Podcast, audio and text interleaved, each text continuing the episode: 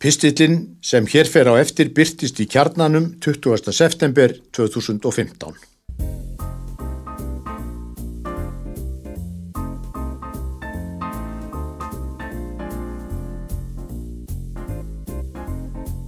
Ný gullöld kaffivélarinnar og Melita Bents.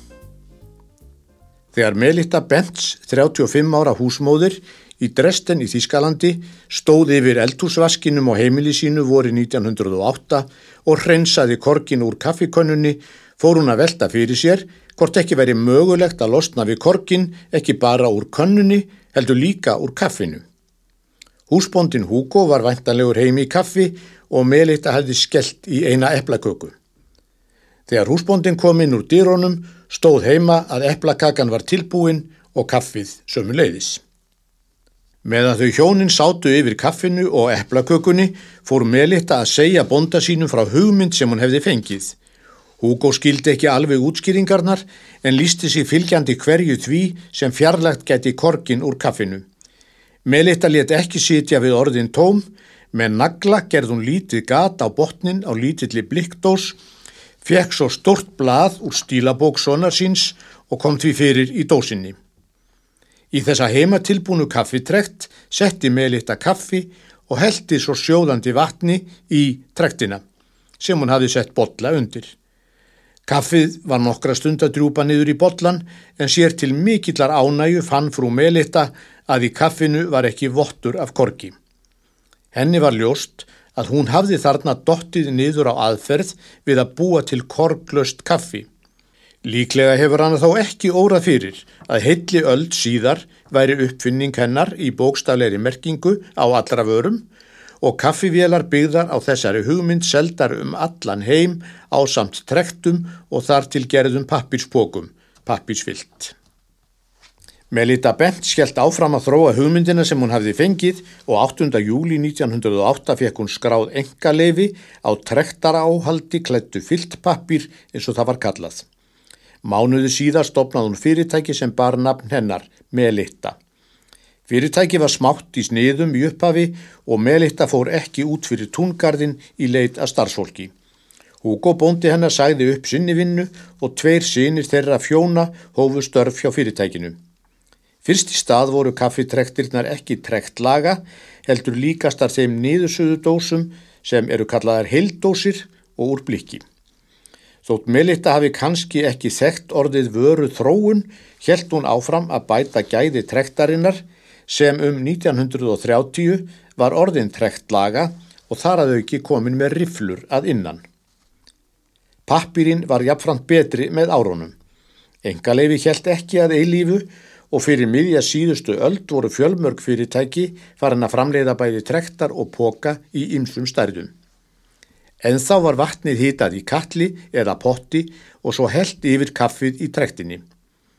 Einu tilbríðin við þessa aðferð voru hvort bunan úr kallinum skildi vera mjó, hvort best væri að bleita fyrst aðeins í kaffinu og hvort vatnið ætti að bull sjóða eða vera aðeins undir suðumarki. Þessi atriði öll eða hvert um sig eru og voru enn yðulega deiluefni.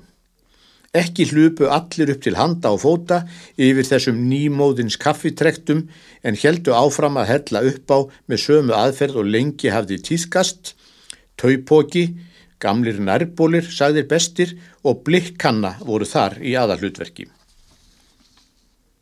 Á árónum eftir síðari heimstyrjöld komu fram fjölmarkar nýjungar til þess ætlaðar að gera lífið auðveldara þar á meðl í eldhúsinu. Einn þessara nýjunga var kaffivélinn sem svo er nefnt. Það var þýst fyrirtæki Vigóman sem árið 1954 setti á markaðin tæki sem byggði á uppfinningu með litu bents en bætti þó ímsu við. Trektin var á sínum stað og pókin líka en hins vegar var það rafmaks element sem hitaði vatnið og leti það í eins konar leiðslu yfir trektina og svo niður í gegnum kaffið og í könnu sem fyldi kaffivílinni. Þetta voru tímamót í kaffigerð. Frú Melitta Bents var þá ekki lengur á lífi. Hún lést í lók júni 1950 en hafði skráð sig á spjöld sögunar eins og það er kallað. Melitta fyrirtækið er hins vegar enn til og framleiðir kaffivélar, rafmakskatla, trektir og trekta póka. Starfseminn fer fram víða um heim og starfsmenn í dag eru um fjögur þúsund.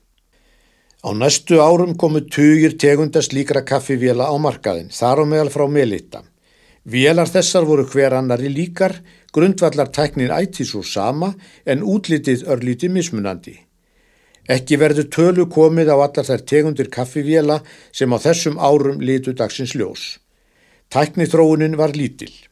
Sumar voru með sérstakri hitahellu til að halda upp á hellingnum heitum, aðrar með mismunandi hitastillingum á þessum hellum en grundvallartæknin óbreytt. Kaffibrennslur buðu flestar eða allar upp á mjög svipað kaffi, milli brent og á Íslandi var það jafnvel talið fara eftir pólitík hvaða kaffi var drukkið á heimilum landsmanna. Framsóknar og vinstribenn sagði drekka bragakaffi í gulum pókum úr köffilæginu en sjálfstæðismenn ríó kaffi frá koper í blá og hvít röndóttum pókum. Kaffivélarnar voru tiltölulega ódýrar en það tæknin einföld. Reyndar voru til marskonar önnur tæki til kaffigerðar til dæmis ítalskar hellukönnur og pressukönnurnar sem uppalega komu frá Fraklandi sennilega en ekkert þessar að tækja komst í hálfkvisti við upp á hellingar velarnar hvað vinsældir og útbreyslu varðaði. Ekki má heldur gleima skyndi kaffinu, oftast kalla neskaffi, sem fyrst kom á markaðin um 1940 og er til í mörgum og mismunandi tegundum. Um 1990 urðu miklar breytingar í kaffidrykkjusýðum. Nú var engin maður með mönnum nema eiga alvöru kaffivél sem geti töfra fram gæða kaffi og jafnvel malað bönirnar jafnóðum og hitað mjölk út í kaffið. Tugir eða hundru tegundast líkra vél að komu á markaðin mísjafnar bæði hvað var í verð og gæði. En jógst svo samkeppnin þegar hinn að svo nefndu Nespresso-vélar komu á markaðin, þar var kaffið í formi síróps og margar bræðtegundur í bóði. Loks komu púðarnir eða kottarnir eins og sumir kalla fyrir bærið. Þar var kaffi dustið í litlum boka sem settur var í þar til gerða vél, ítt á takka og þá bunaði kaffið í botlan. Gömlu kaffivélarnar voru þó áfram á markanum þótt ymsum þætti það heldur hallærislegt að bjóða upp á slíkan uppáhelling. Einn og einn held sig líka við handvirku uppáhellingar aðferðina, vatnið hitað í kalli og held yfir kaffi í trekt. Þótt gömlu hefðbundnu kaffivélarnar hafi aldrei horfið og átt sína tryggu nótendur, dróst sala þeirra mjög saman í flestum löndum á síðasta áratugliðinar aldar og allt fram til 2013. En tími þeirra var ekki liðin. Uppáheld kaffi komst, ef svo má segja, aftur í tísku. Engin veit beinlýnis ástæðuna en ymsir kaffidrykjus bekingar telja að margir séu hrenlega orni leiðir á því að drekka kaffi blandaða mjölk eins og sumir kalla vinsæla kaffidriki. Mart ungt fólk vilji einfallega kaffi en ekki kaffi bland. Hver svo sem ástæðan er, er staðreindin svo að sala á hefðbundnum upp á hellingavélum hefur víða um lönd aukist stórlega á síðustu tveimur árum. Skrifarið þessa pistils lagði leið sína í stóra raftækjaverslun í Kaupmannahöfn. Þar taldan 58 mismunandi gerðir kaffivéla rúmur helmingur þeirra hefðbundnar upp á hellingavélar. Samkvæmt tölum danskra neytendastofu seldust samtals 220.000 kaffivélar í Danmörku árið 2014. Það svarar til þess að tólta hvert heimili í landinu hafi eignast slíkt tæki.